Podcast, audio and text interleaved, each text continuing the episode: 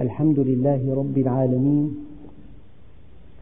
والصلاة والسلام على سيدنا محمد الصادق الوعد الأمين. اللهم لا علم لنا إلا ما علمتنا إنك أنت العليم الحكيم. اللهم علمنا ما ينفعنا وانفعنا بما علمتنا وزدنا علما. وأرنا الحق حقا وارزقنا اتباعه. وأرنا الباطل باطلا وارزقنا اجتنابه. واجعلنا ممن يستمعون القول فيتبعون أحسنه وأدخلنا برحمتك في عبادك الصالحين. أيها الإخوة المؤمنون مع الدرس الخامس من سورة سبأ وصلنا في الدرس الماضي إلى قوله تعالى في الآية الخامسة عشرة. لقد كان لسبأ في مساكنهم آية في مسكنهم آية. جنتان عن يمين وشمال. كلوا من رزق ربكم واشكروا له بلدة طيبة ورب غفور. فأعرضوا فأرسلنا عليهم سيل العرم وبدلناهم بجنتيهم جنتين ذواتي أكل خمط وأسل وشيء من سدر قليل. ذلك جزيناهم بما كفروا. وهل نجازي إلا الكفور؟ أيها الإخوة الأكارم يجب أن نعلم علم اليقين أن الله سبحانه وتعالى إذا أورد في قرآنه الكريم قصة. أصحاب القصة ماتوا. ورحلوا وختم عملهم ولا يعنيهم من قصتهم شيء. ولكن هذه القصص تعنينا نحن بالذات. هذه القصص تعني قارئ القرآن الحي لأن الميت ختم عمله وانقضى أجله وتحول إلى مكانة عند الله عز وجل. إما في جنة يدوم نعيمها أو في نار لا ينفد عذابها. على كل ربنا سبحانه وتعالى ذكر هذا المعنى فقال تلك أمة قد خلت مضوا وماتوا لها ما كسبت ولكم ما كسبتم. ولا تسألون عما كانوا يعملون. يعني هذه المقدمة أردت من خلالها أن قارئ القرآن إذا قرأ قصة في القرآن لا ينبغي أن يتوهم أنه يقرأ تاريخا ولا سجلا لأعمال السابقين. ليس هذا من شأن القرآن وليس هذا من أهداف القرآن العظيمة إنه كتابة كتاب هداية ورشاد كتاب إنقاذ لهذا الإنسان. ماذا يعنيني أن قوم سبأ كانوا في بحبوحة ثم جاءهم سيل عرم إلا أن أستنبط من هذه القصة حقيقة أكتشف بها حقيقة أكتشف بها سر وجودي. إذا قبل أن نمضي في شرح هذه القصة الذي أتمناه على كل قارئ قرآن على كل من يحضر مجالس العلم إذا قرأ قصة عن قوم من, من الأقوام السالفة لا ينبغي أن يتوهم أنه يقرأ التاريخ. لا. تلك أمة قد خلت. لها ما كسبت ولكم ما كسبتم. يعني الإنسان الموفق في حياته لا تعنيه لا يعنيه شيء وقع فيما مضى. ولا يعنيه أن يبحث في مستقبل بعيد سيصل إليه. ولا يعنيه أن تفتت جهوده في معارك جانبية.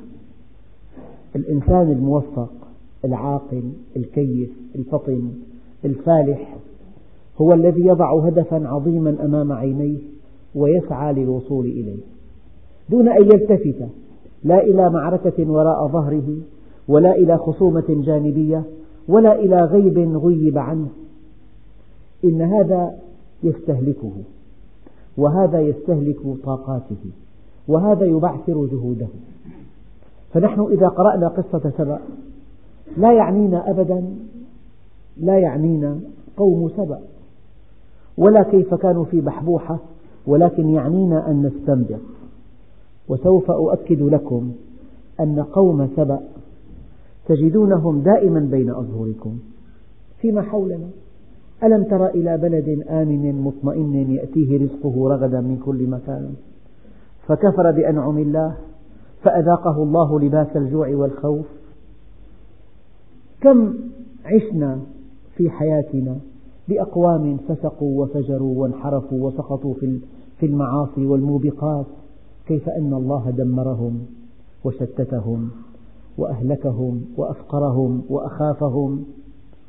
ليست القصة أن نقرأ تاريخا القصة أن نستنبط حقائق تلقي ضوءا على حياتنا. القصة وما فيها أننا نحن المعنيين بهذه القصة. نحن. فالله سبحانه وتعالى يقول لقد كان لسبأ في مساكنهم في مسكنهم آية. في قراءة مساكنهم. نعم. معنى آية يعني علامة دليل. طيب ما الدليل؟ من الذي أنزل الأمطار؟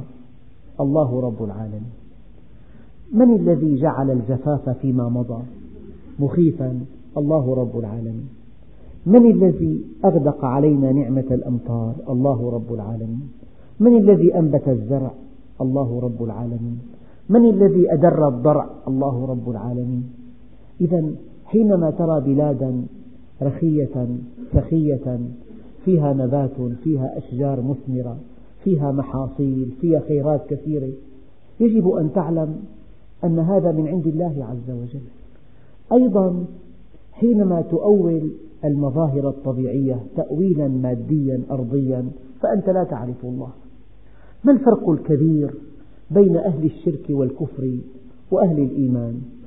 هو أن أهل الكفر والشرك لا يرون إلا النعمة. بينما المؤمنون يرون المنعم. الكافر يرى النعمة يعلمون ظاهرا من الحياة الدنيا وهم عن الآخرة هم غافلون. فأهل الدنيا يعلمون دقائق الأمور يعلمون من أين تؤكل الكتف يعلمون مباهج الدنيا يعلمون مسراتها يعلمون دقائق الجمال فيها يعلمون كيف يسعدون بها. هؤلاء يعلمونها ولكن غاب عنهم المنعم. كفروا بالمنعم. آمنوا بالنعمة وكفروا بالمنعم. لكن المؤمنين يرون المنعم من خلال النعم. فهؤلاء قوم سبأ حباهم الله بأراض خصبة فيها جنان وفيها أشجار وفيها ثمرات وفيها ينابيع وفيها أنهار. في آية أخرى ربنا عز وجل يخاطب قوم سبأ من خلال نبيهم. قال إني أراكم بخير إني أراكم بخير. فالعلماء فسروا كلمة الخير وفرة المواد ورخص الأسعار. المواد متوافرة والأسعار معتدلة. سيدنا عمر كان إذا قدم عليه الوالي أول سؤال يطرحه عليه كيف الأسعار عندكم؟ فكلما انخفضت الأسعار عاش الناس في بحبوحة واتسعت رقعة المستهلكين وعم الرخاء وأصبح المال متداولا بين كل الناس أما إذا ارتفعت الأسعار ضاقت دائرة المستهلكين وأصبح المال دولة بين الأغنياء منكم. وصار المجتمع طبقتين طبقة مسرفة غارقة في الترف والنعيم وطبقة فقيرة لا تلوي على شيء. عندئذ تنشأ المشكلات وتنشأ الأحقاد.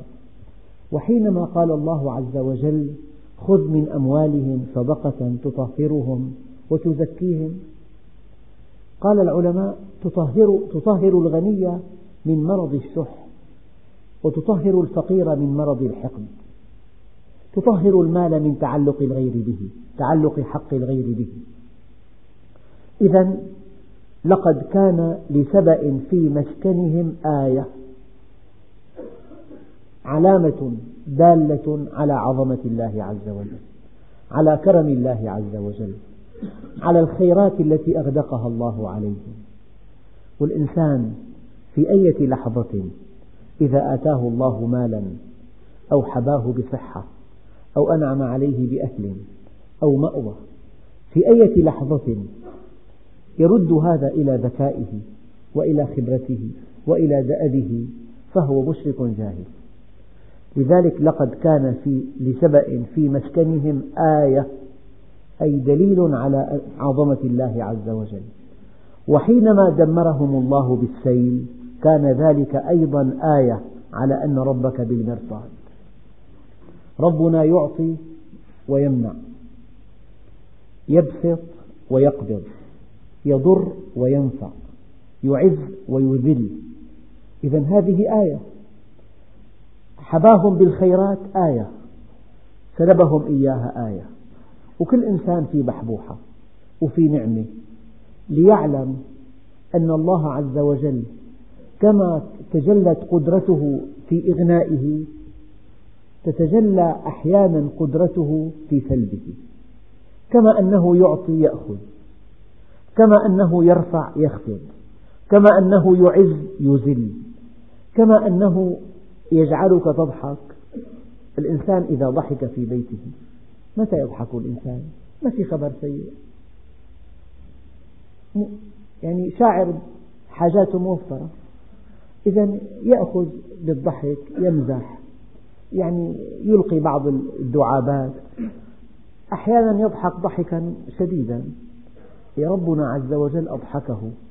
والله عز وجل قادر في أية ساعة على أن يجعله يبكي وهو الرجل.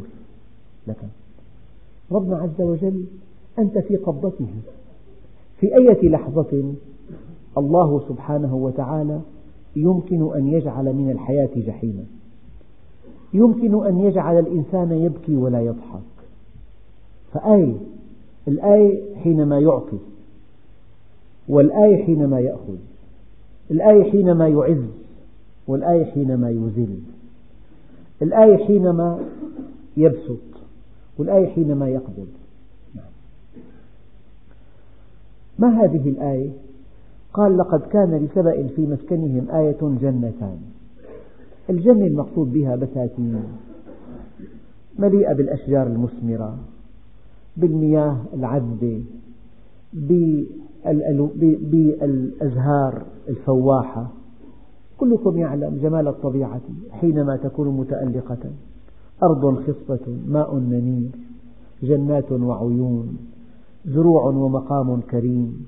هذه كلها مما تسعد الإنسان. هو الإنسان الله عز وجل قال حدائق ذات بهجة. يعني أحيانا الحدائق والبساتين والأرض الخضراء المتألقة هذه تبعث البهجة في النفس. لذلك هناك أناس يحبون النباتات.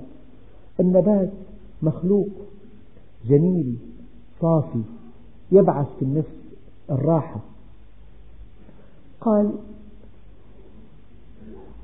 جنتان عن يمين وشمال. يبدو أن الأنهار تخترق هذه الجنان عن يمين جنات وارفة وارفة الظلال يانعة الثمار شامخة الفروع. بينها الأنهار تجري. وعن, وعن شمال أيضا جنات مثلها. كلوا من رزق ربكم. كلوا من رزق ربكم. الرزق أضيف إلى الله عز وجل. هذا رزق الله عز وجل. مرة ثانية. حينما يوضع الطعام على المائدة قد يقول صاحب البيت هذا الطعام اشتريته من محل كذا وهذا الطعام اخترته من مكان كذا. حينما يرى أن هذا الطعام جلبه بماله الذي حصله بتعبه وجده فقد وقع في الشرك. الطعام الذي يوضع على المائدة هو رزق الله عز وجل. كلوا من رزق ربكم. لذلك الإنسان دائما يتأدب مع الله. إذا أكل يسمي. لماذا يسمي بالله؟ إشعارا بأن هذا الطعام هو من نعم الله عز وجل. وتذكيرا بتطبيق السنة في تناول الطعام والشراب. كلوا من رزق ربكم واشكروا له. اشكروا له. يعني الإنسان كما قلت في دروس سابقة الله عز وجل سخر له الكون تسخير تعريف وتسخير تكريم. رد الفعل على تسخير التكريم هو أن تشكره. هو أن تشكره شكرا حقيقيا. وكيف تشكره؟ اعملوا آل داود شكرا. بالعمل. يعني إذا استخدمت عينك في النظر في آلاء الله فقد شكرت الله على نعمة هذه العين. أدق معاني الشكر أن تستخدم ما أعطاك الله إياه فيما أوجبه عليك. العين تنظر بها إلى آيات الله الدالة على عظمته والأذن تستمع بها إلى الحق يتلى عليك واللسان تذكر الله به واليد تغدق بها على الآخرين مما أفاء الله عليك والقدم تتقدم بها إلى بيوت الله عز وجل. إذا استخدمت أعضاءك وجوارحك وحواسك ووقتك وفراغك وصحتك وقوتك ومالك وجاهك وخبرتك. في في الحق وفيما يرضي الله عز وجل فقد شكرت المنعم. هذا معنى اعملوا آل داود شكرا. يعني يجب أن تستخدم نعم الله عز وجل فيما أوجب الله عليك. كلوا من رزق ربكم واشكروا له بلدة طيبة ورب غفور. معنى بلدة طيبة يعني يطيب طيبة تربتها طيبة زروعها طيب ماؤها طيب هواؤها. بلد طيب هلا يقابل البلدة الطيبة بلدة ملوثة هواء ملوث مياه ملوثة العلاقات الاجتماعية ملوثة أخلاق أهلها ملوثة. يعني تكاد تكون مشكلة التلوث أكبر مشكلة تعاني منها المجتمعات المعاصرة بلد ملوث. نسب التلوث عالية جدا. نسب وبائية صارت. تلوث في الضجيج تلوث. دائما في ضجيج. الآلات والمركبات سببت ضجيجا مستمرا. لا تعرف قيمة السكينة والراحة إلا إذا غادرت المدينة. تشعر معنى السكينة معنى الهدوء معنى راحة الأعصاب.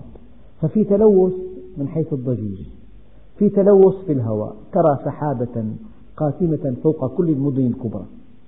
كلها فحم هذه. أمراض كثيرة تسببها هذه الأجواء الملوثة. المياه ملوثة. قد نسقي خضرواتنا بمياه ملوثة. قد تتسرب بعض المواد السامة إلى أوراق النبات قد نطعم بعض الحيوانات مواد غير جيدة. إذا الله عز وجل عاقب أهل الدنيا في آخر عصورهم بالتلوث. تلوثهم الأخلاقي سبب تلوث بيئتهم.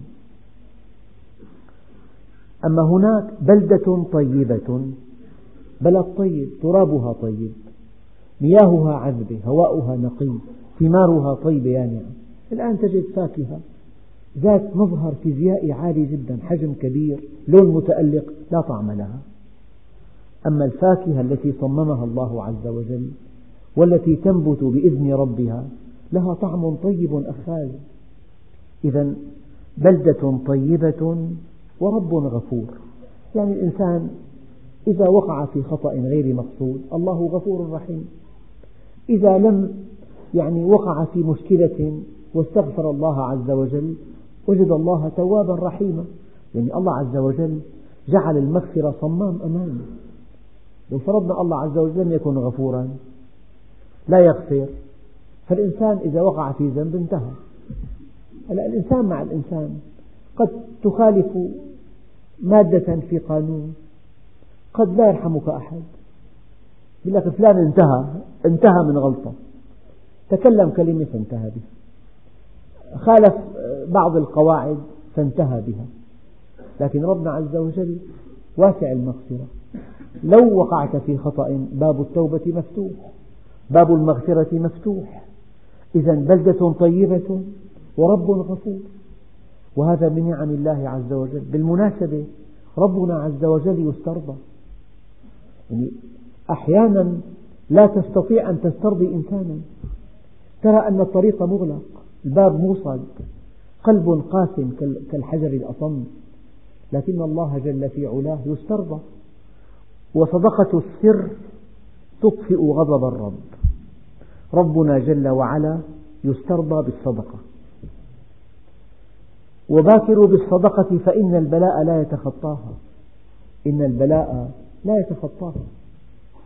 فالإنسان بالمناسبة إذا وقع في مشكلة لاحت له شبح مصيبة خاف من مرض عضال شعر أن علاقاته سيئة مع من هم فوقه وأن هذا بقضاء الله وقدره قد يسترضي الله عز وجل بعمل صالح. من كان يظن أن لن ينصره الله في الدنيا والآخرة من بعض تفسيرات هذه الآية فليمدد بسبب إلى السماء.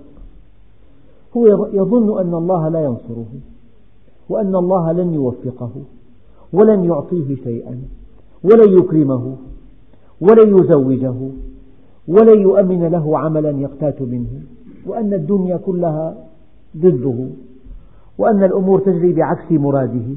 من كان يظن هذا الظن قال فليمدد بسبب إلى السماء ليعمل عملا صالحا ثم ليقطع كل منكر ثم لينظر هل يذهبن كيده ما يغيظ كيف أن الأمور تتبدل؟ الأمور تيسر العقبات تزول الأهداف تتحقق. الله عز وجل يوفق يكافئ يلهم.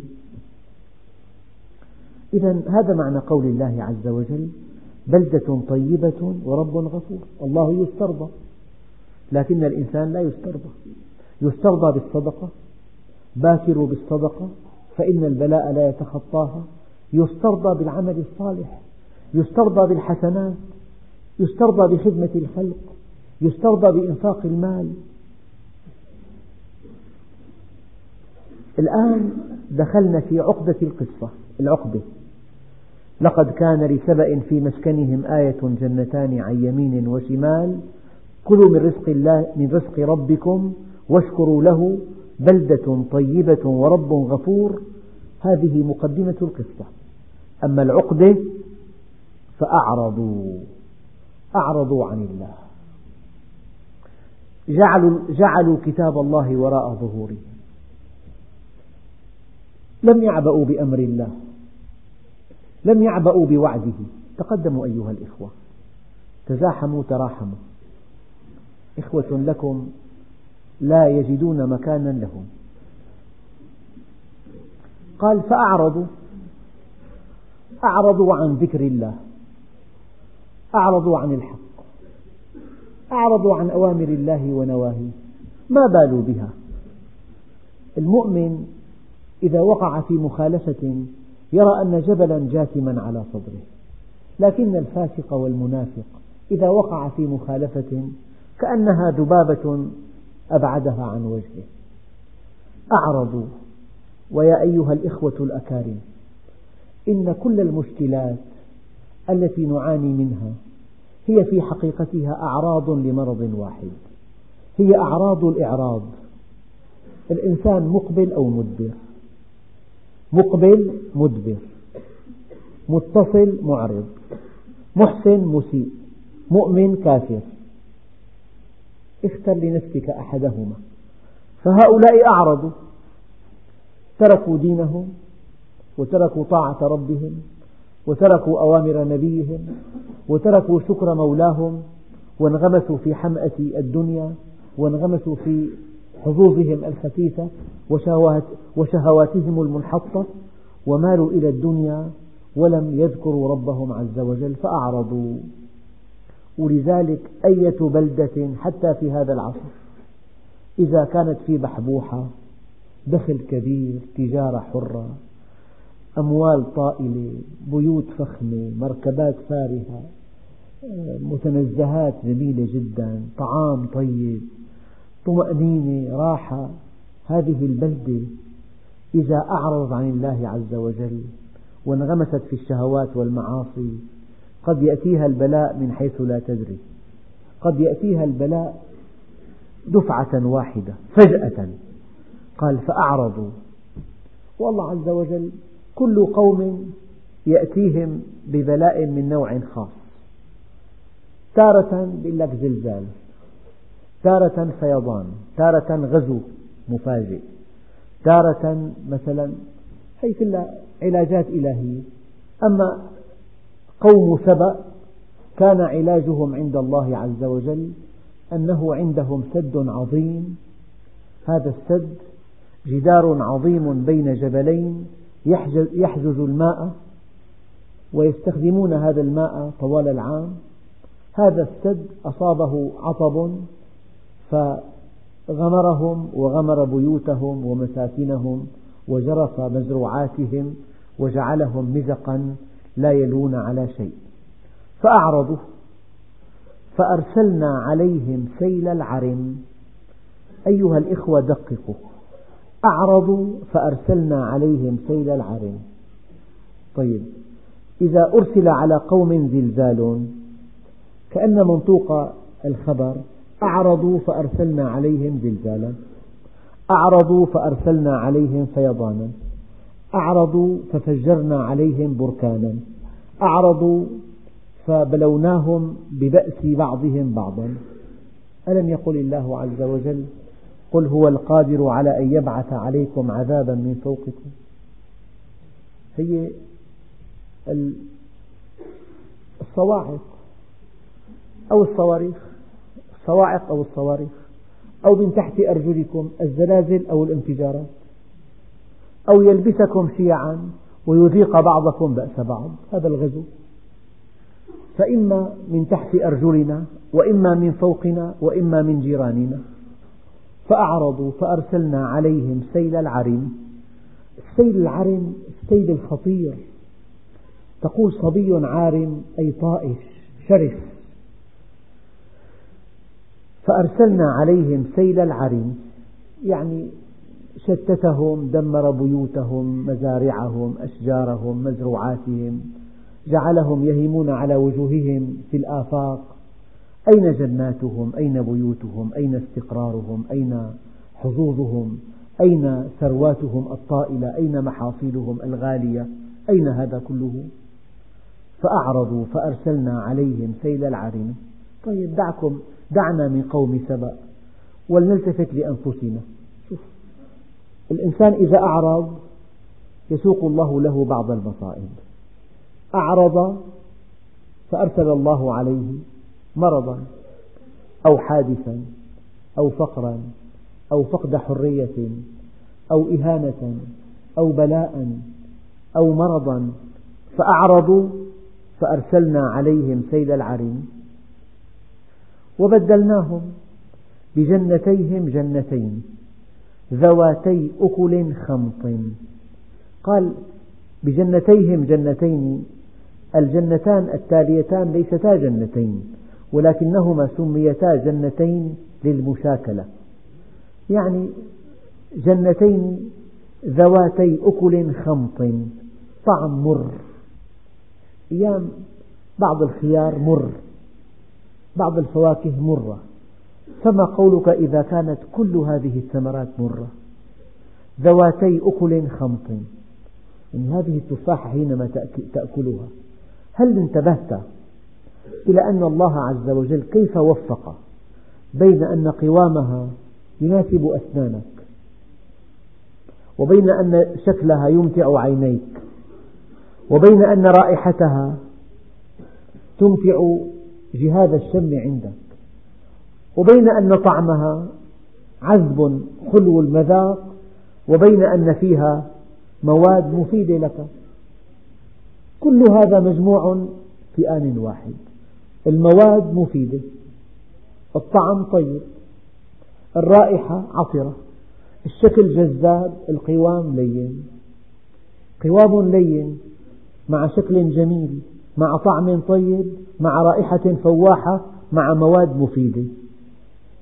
الله عز وجل قادر يجعل الطعام المفيد بطعم مر أو الطعم الحلو بمادة مؤذية ممكن. أو الطعم الحلو والمادة نافعة لكن القوام صخري يصعب أن تأكله. طيب كيف وفق الله عز وجل؟ بين القوام والطعم والرائحة والمواد النافعة واللون والشكل والحجم والم... كل مناسب. شوف الفاكهة حجمها وطريقة تغليفها. الدراق له طريقة التفاح له طريقة البطيخ له طريقة. كل فاكهة لها طريقة في التغليف ولها طريقة في قطفها ولها حجم مناسب. ولها شكل مناسب ولها طعم مناسب ولها لون مناسب ولها قوام مناسب وفيها مكونات غذائية مناسبة لهذا الإنسان. فربنا عز وجل أيضا من آياته الدالة على عظمته جعل طعم الفاكهة ذواتي أكل خمط طعم مر. تمزه الأفواه. ذواتي أكل خمط وأسل وشيء من سدر قليل. يعني نبات نبات السدر له بعض الثمار قليل جدا. وكلكم يعلم أنه إذا قل الثمر ارتفع الثمن. كيلو بسبعين. معناه الإنتاج قليل. فإذا قل الثمن كيف معنى قولنا الله هو المسعر؟ يعني إذا جعل هذه الخيرات كثيرة رخص سعرها فإذا قلت ارتفع ثمنها فالسدر قليل والأثل نبات لا جدوى منه. نبات رعوي. الأثل نبات رعوي. والسدر بعضه بري وبعضه غير بري. غير البري مفيد لكن نباته قليل. قال وشيء من سدر قليل. الآن دققوا في هذا التعقيد. قال ذلك جزيناهم بما كفروا. ذلك جزيناهم بما كفروا. هذا جزاء كفرهم فالفسق له جزاء الكفر له جزاء الشرك له جزاء النفاق له جزاء الانحراف عن طريق الحق له جزاء عدم الائتمار بأمر الله له جزاء عدم الانتهاء عما عنه نهى وأمر له جزاء الاختلاط له جزاء تحديق النظر في النساء له جزاء الغش في البيع له جزاء المماطلة في تسليم البضاعة وقد قبضت الثمن كاملا له جزاء. التدليس له جزاء. آه، التعدي على حقوق الآخرين له جزاء. الإيهام له جزاء. الغبن له جزاء. أبدا. ذلك جزيناهم بما كفروا وهل نجازي إلا الكفور؟ ألم تهزكم هذه الآية؟ يعني يا عبادي هل رأيتم رأيتموني دمرت إلا كافرا إنسان مستقيم طاهر ماله حلال محب لله عز وجل يخدم الناس ليقربهم إلى الله كيف أعامله؟ يجب أن نؤمن أن الله عز وجل حينما قال أم حسب الذين اجترحوا السيئات أن نجعلهم كالذين آمنوا وعملوا الصالحات سواء محياهم ومماتهم ألا ساء ما يحكمون؟ هل تظن أن الله سيعامل المؤمن المستقيم الطاهر الورع النقي التقي الذي يخاف الله؟ كل حياته نظيفة كل علاقاته نظيفة كل نشاطه هادف كل أعماله طيبة كل إنفاقه بالحق كل كسب ماله بالحق؟ هذا يعامل كما يعامل فاسق فاجر ماله حرام إنفاقه حرام منحرف العقيدة. هكذا تظن الله عز وجل؟ هذا سوء ظن بالله عز وجل. نعم. لذلك أكبر ذنب تفعله أن تقول على الله ما لا تعلم أو أن تسيء الظن بالله. ذلك جزيناهم بما كفروا. وهل نجازي إلا الكفور؟ يعني الحقيقة حتى نتوازن الدنيا وحدها لا تكفي. لا تكفي مقياس الله عز وجل أبى أن يجعلها ثوابا للطائعين وعقابا للمنحرفين أبدا. لكن العبرة الأمور بخواتيمها الأمور متعلقة بما بعد الموت الأمور متعلقة بالخلود في جنة أو في نار أبديتين. لذلك ذلك جزيناهم بما كفروا. وهل نجازي إلا الكفور؟ معناها الشكور له معاملة خاصة. الشكور له عند الله مكانة عالية. الشكور محفوظ الشكور مكرم الشكور منصور الشكور مقرب الشكور موفق الشكور يعني معتنى به. وهل نجازي إلا الكفور؟ إذا كن شكورا ولا تكن كفورا. إن كنت شكورا يجزيك الله ولا تجازى. المؤمن يجزيه الله عز وجل ولا يجازى. هؤلاء القوم قال وجعلنا بينهم وبين القرى التي باركنا فيها قرى ظاهرة. هذه الآية دقيقة جدا. يعني بلادهم الشاسعة من نعم الله عليهم التي ما عرفوا قيمتها. ودائما وأبدا اسمعوا هذه المقولة. إذا جاءك المال. الآن اسأل نفسك هل هذا نعمة أم نقمة الجواب لا نعمة ولا نقمة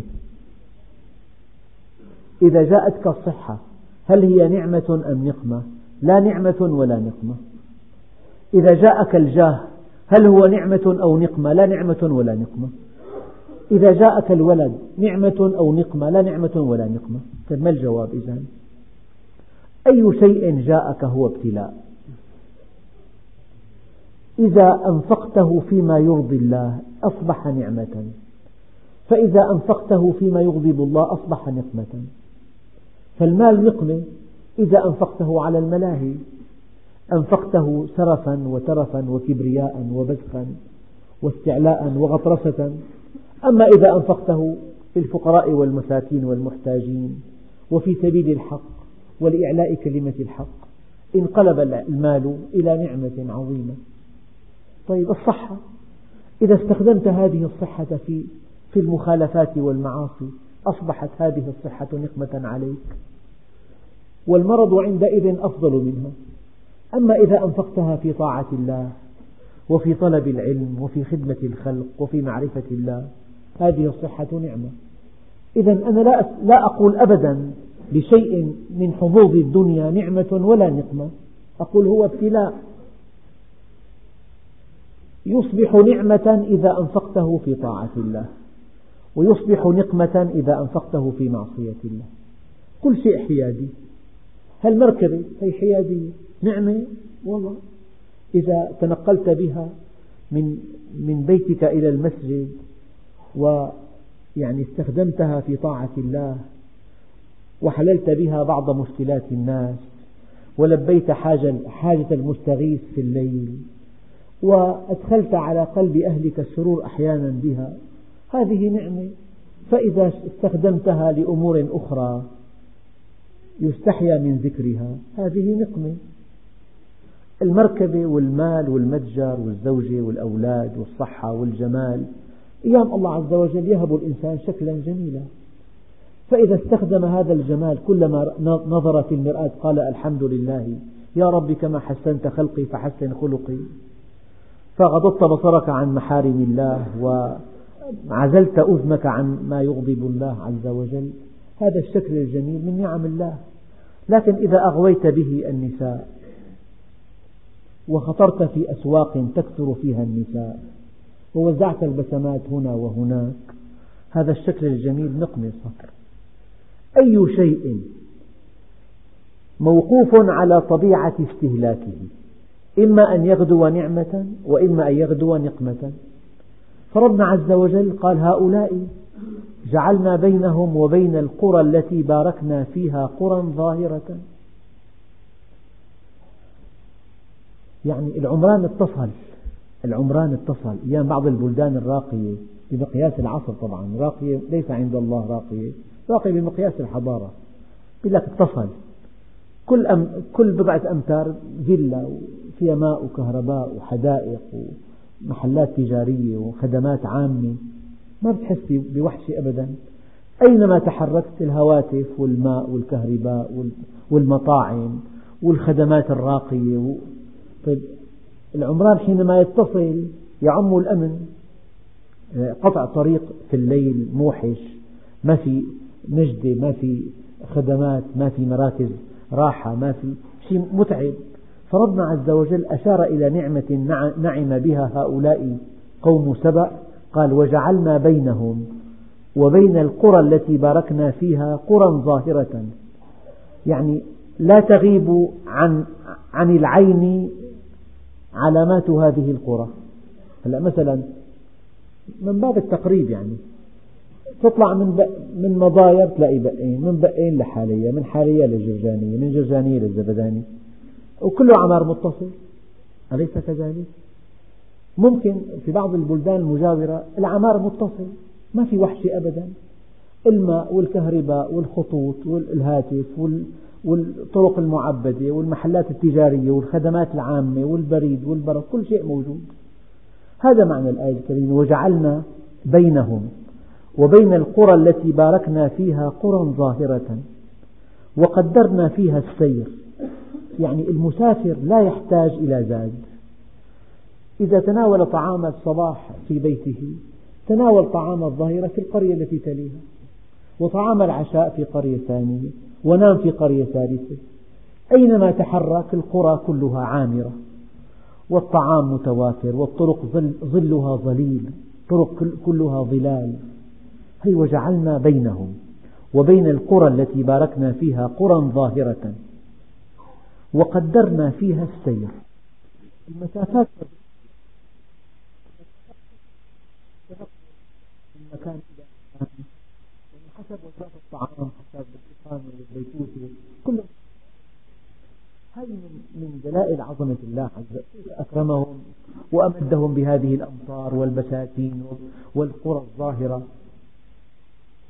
قال وقدرنا فيها السير. سيروا فيها ليالي وأياما آمنين. نعمة الأمن أيام الإنسان بيخاف بالليل يسافر يقول لك بخاف يعني مركبته يخليها في مكان فارغ مثلا بدك تنسرق. بسرقوا لي إياها مثلا. فسيروا فيها ليالي واياما آمنين. فقالوا هنا هنا. قالوا ربنا باعد بين أسفارنا. الحقيقة معقول يقول الكلام أيعقل أن يكون قوم في بحبوحة وفي غنى وفي عمار متصل وفي خدمات وفي أمطار غزيرة وفي بساتين وأن يقولوا بألسنتهم ربنا باعد بين أسفارنا؟ قال لا. هذا لسان حالهم. وليس هذا لسان حالهم.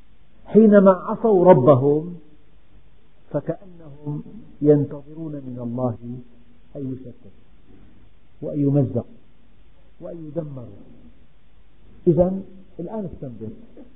إذا كنت في بحبوحة بيت ودخل مكاني وأردت أن تنظر إلى غير ما أحل الله لك. أردت أن تعتدي على أعراض الآخرين. أردت أن تأكل أموالهم بالباطل. أردت أن تفعل شيئا لا يرضي الله. فكأنك تقول يا رب دمرني أنا أستحق الدمار. يا رب أتلف مالي. يا رب أزهق صحتي. يا رب شتت شملي أبدا. العاصي كأنه يقولها.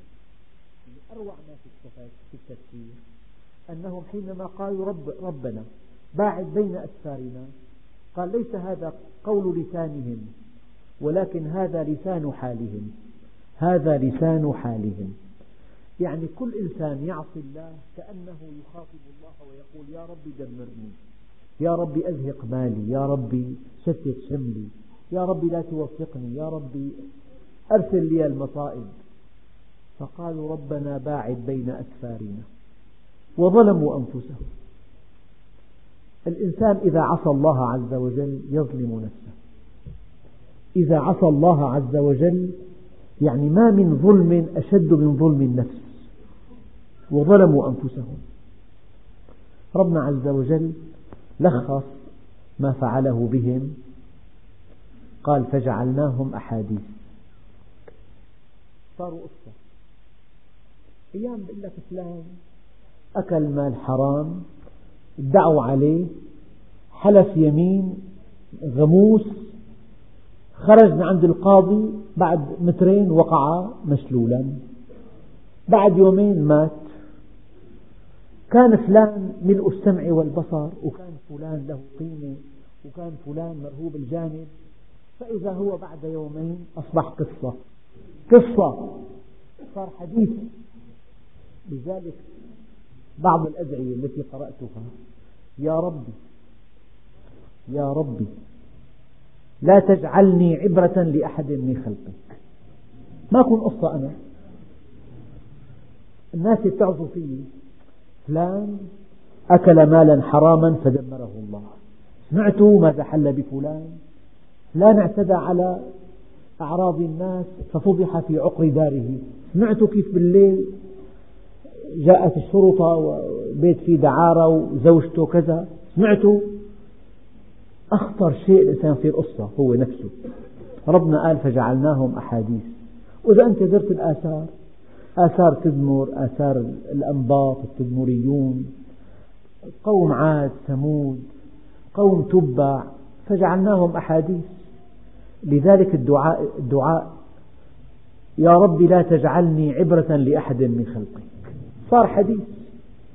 ولا كل واحد إذا كان زلت قدمه وارتكب معصية وصارت عنده فضيحة وبنته مثلا زلت قدمها أهمل تربايتها فهربت مع واحد فرضا والواحد فاسق فاجر. دل على عمل ساقط. فصارت قصة قصة قصة. تروى في المجالس عند الأقرباء. فالإنسان يأخذ حيطة ويضبط أموره ويستعين بربه ويطبق شرع الله عز وجل حتى ما يكون حديث للموعظة.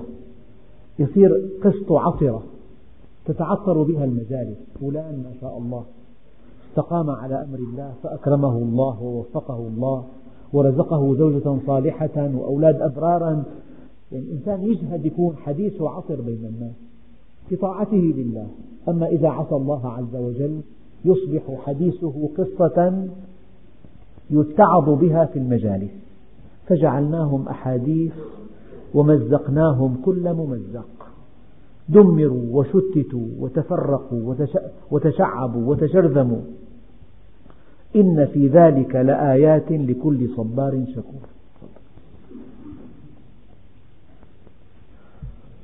إذا حينما قالوا ربنا باعد بين أسفارنا وظلموا أنفسهم فجعلناهم أحاديث ليس هذا قول ألسنتهم هذا لسان حالهم أي معاصيهم كأنهم بمعاصيهم يقولون ربنا مزقنا. ربنا شردنا ربنا أذهب مالنا. وكل إنسان يعصي الله وهو في بحبوحة. كأنه يقول يا رب دمرني. يا رب أزهق, أزهق روحي. يا رب افعل بي كذا وكذا. هذا لسان الحال. ولقد صدق عليهم إبليس ظنه. فاتبعوه إلا فريقا من المؤمنين. يعني عدوك اللدود وهو إبليس. إذا ظن فيك أنك تعصي الله. أنت إما أن تخيب ظنه وإما أن تصدق ظنه. فإذا أطعت الله عز وجل واستقمت على أمره وأنفقت مالك في سبيله فقد خيبت ظن إبليس.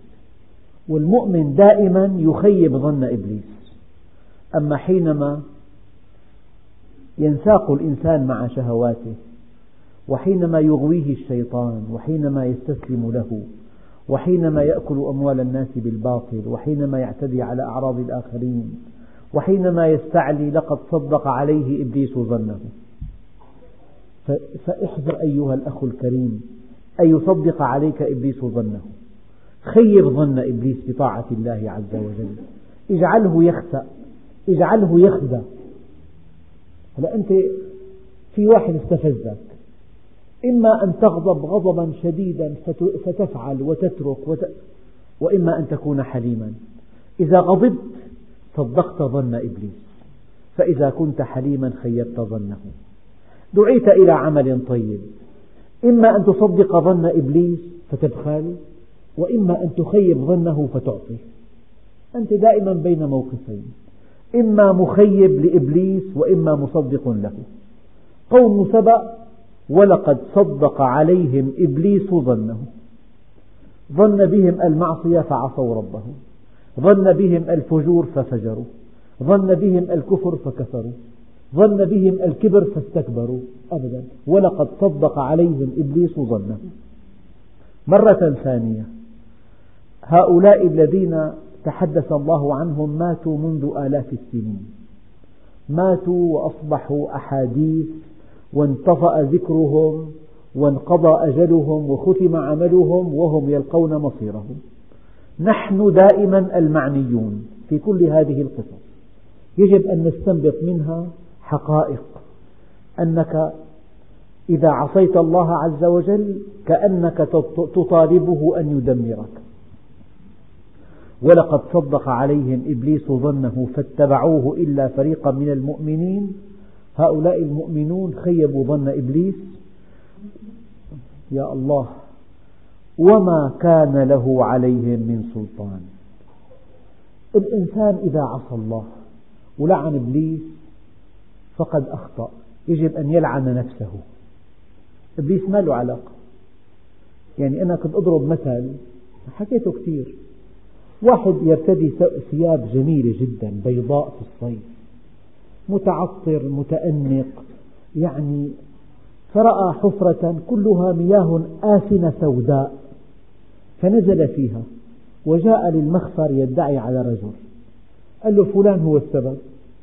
فجاء المحقق قال له يعني هو دفعك إلى هذه الحفرة؟ قال له لا والله ما دفعني. قال يعني أمسكك وألقاك فيها؟ قال لا والله. قال يعني شهر عليك سلاحه وقال انزل لا والله. قال لي انزل فنزلت أليس هذا مجنونا هكذا يفعل إبليس. لا يملك إلا أن يوسوس فقط. فمن استجاب له فقد ضل سواء السبيل. وما كان لهم عليهم له عليهم من سلطان. أبدا. وقال الشيطان لما قضي الأمر إن الله وعدكم وعد الحق ووعدتكم فأخلفتكم. وما كان لي عليكم من سلطان. إلا أن دعوتكم فاستجبتم لي. فلا تلوموني ولوموا أنفسكم. ما أنا بمصرخكم ولا أنتم بمصرخي. إني كفرت بما أشركتموني من قبل. وما كان له عليهم من سلطان إلا لنعلم من يؤمن بالآخرة ممن هو منها في شك. ابتلاء. وربك على كل شيء حفيظ. كل شيء مسجل كل شيء مكتوب كل شيء محاسب عنه. فوربك لنسألنهم أجمعين عما كانوا يعملون. وفي درس قادم إن شاء الله نتابع تفسير هذه السورة الكريمة والحمد لله رب العالمين.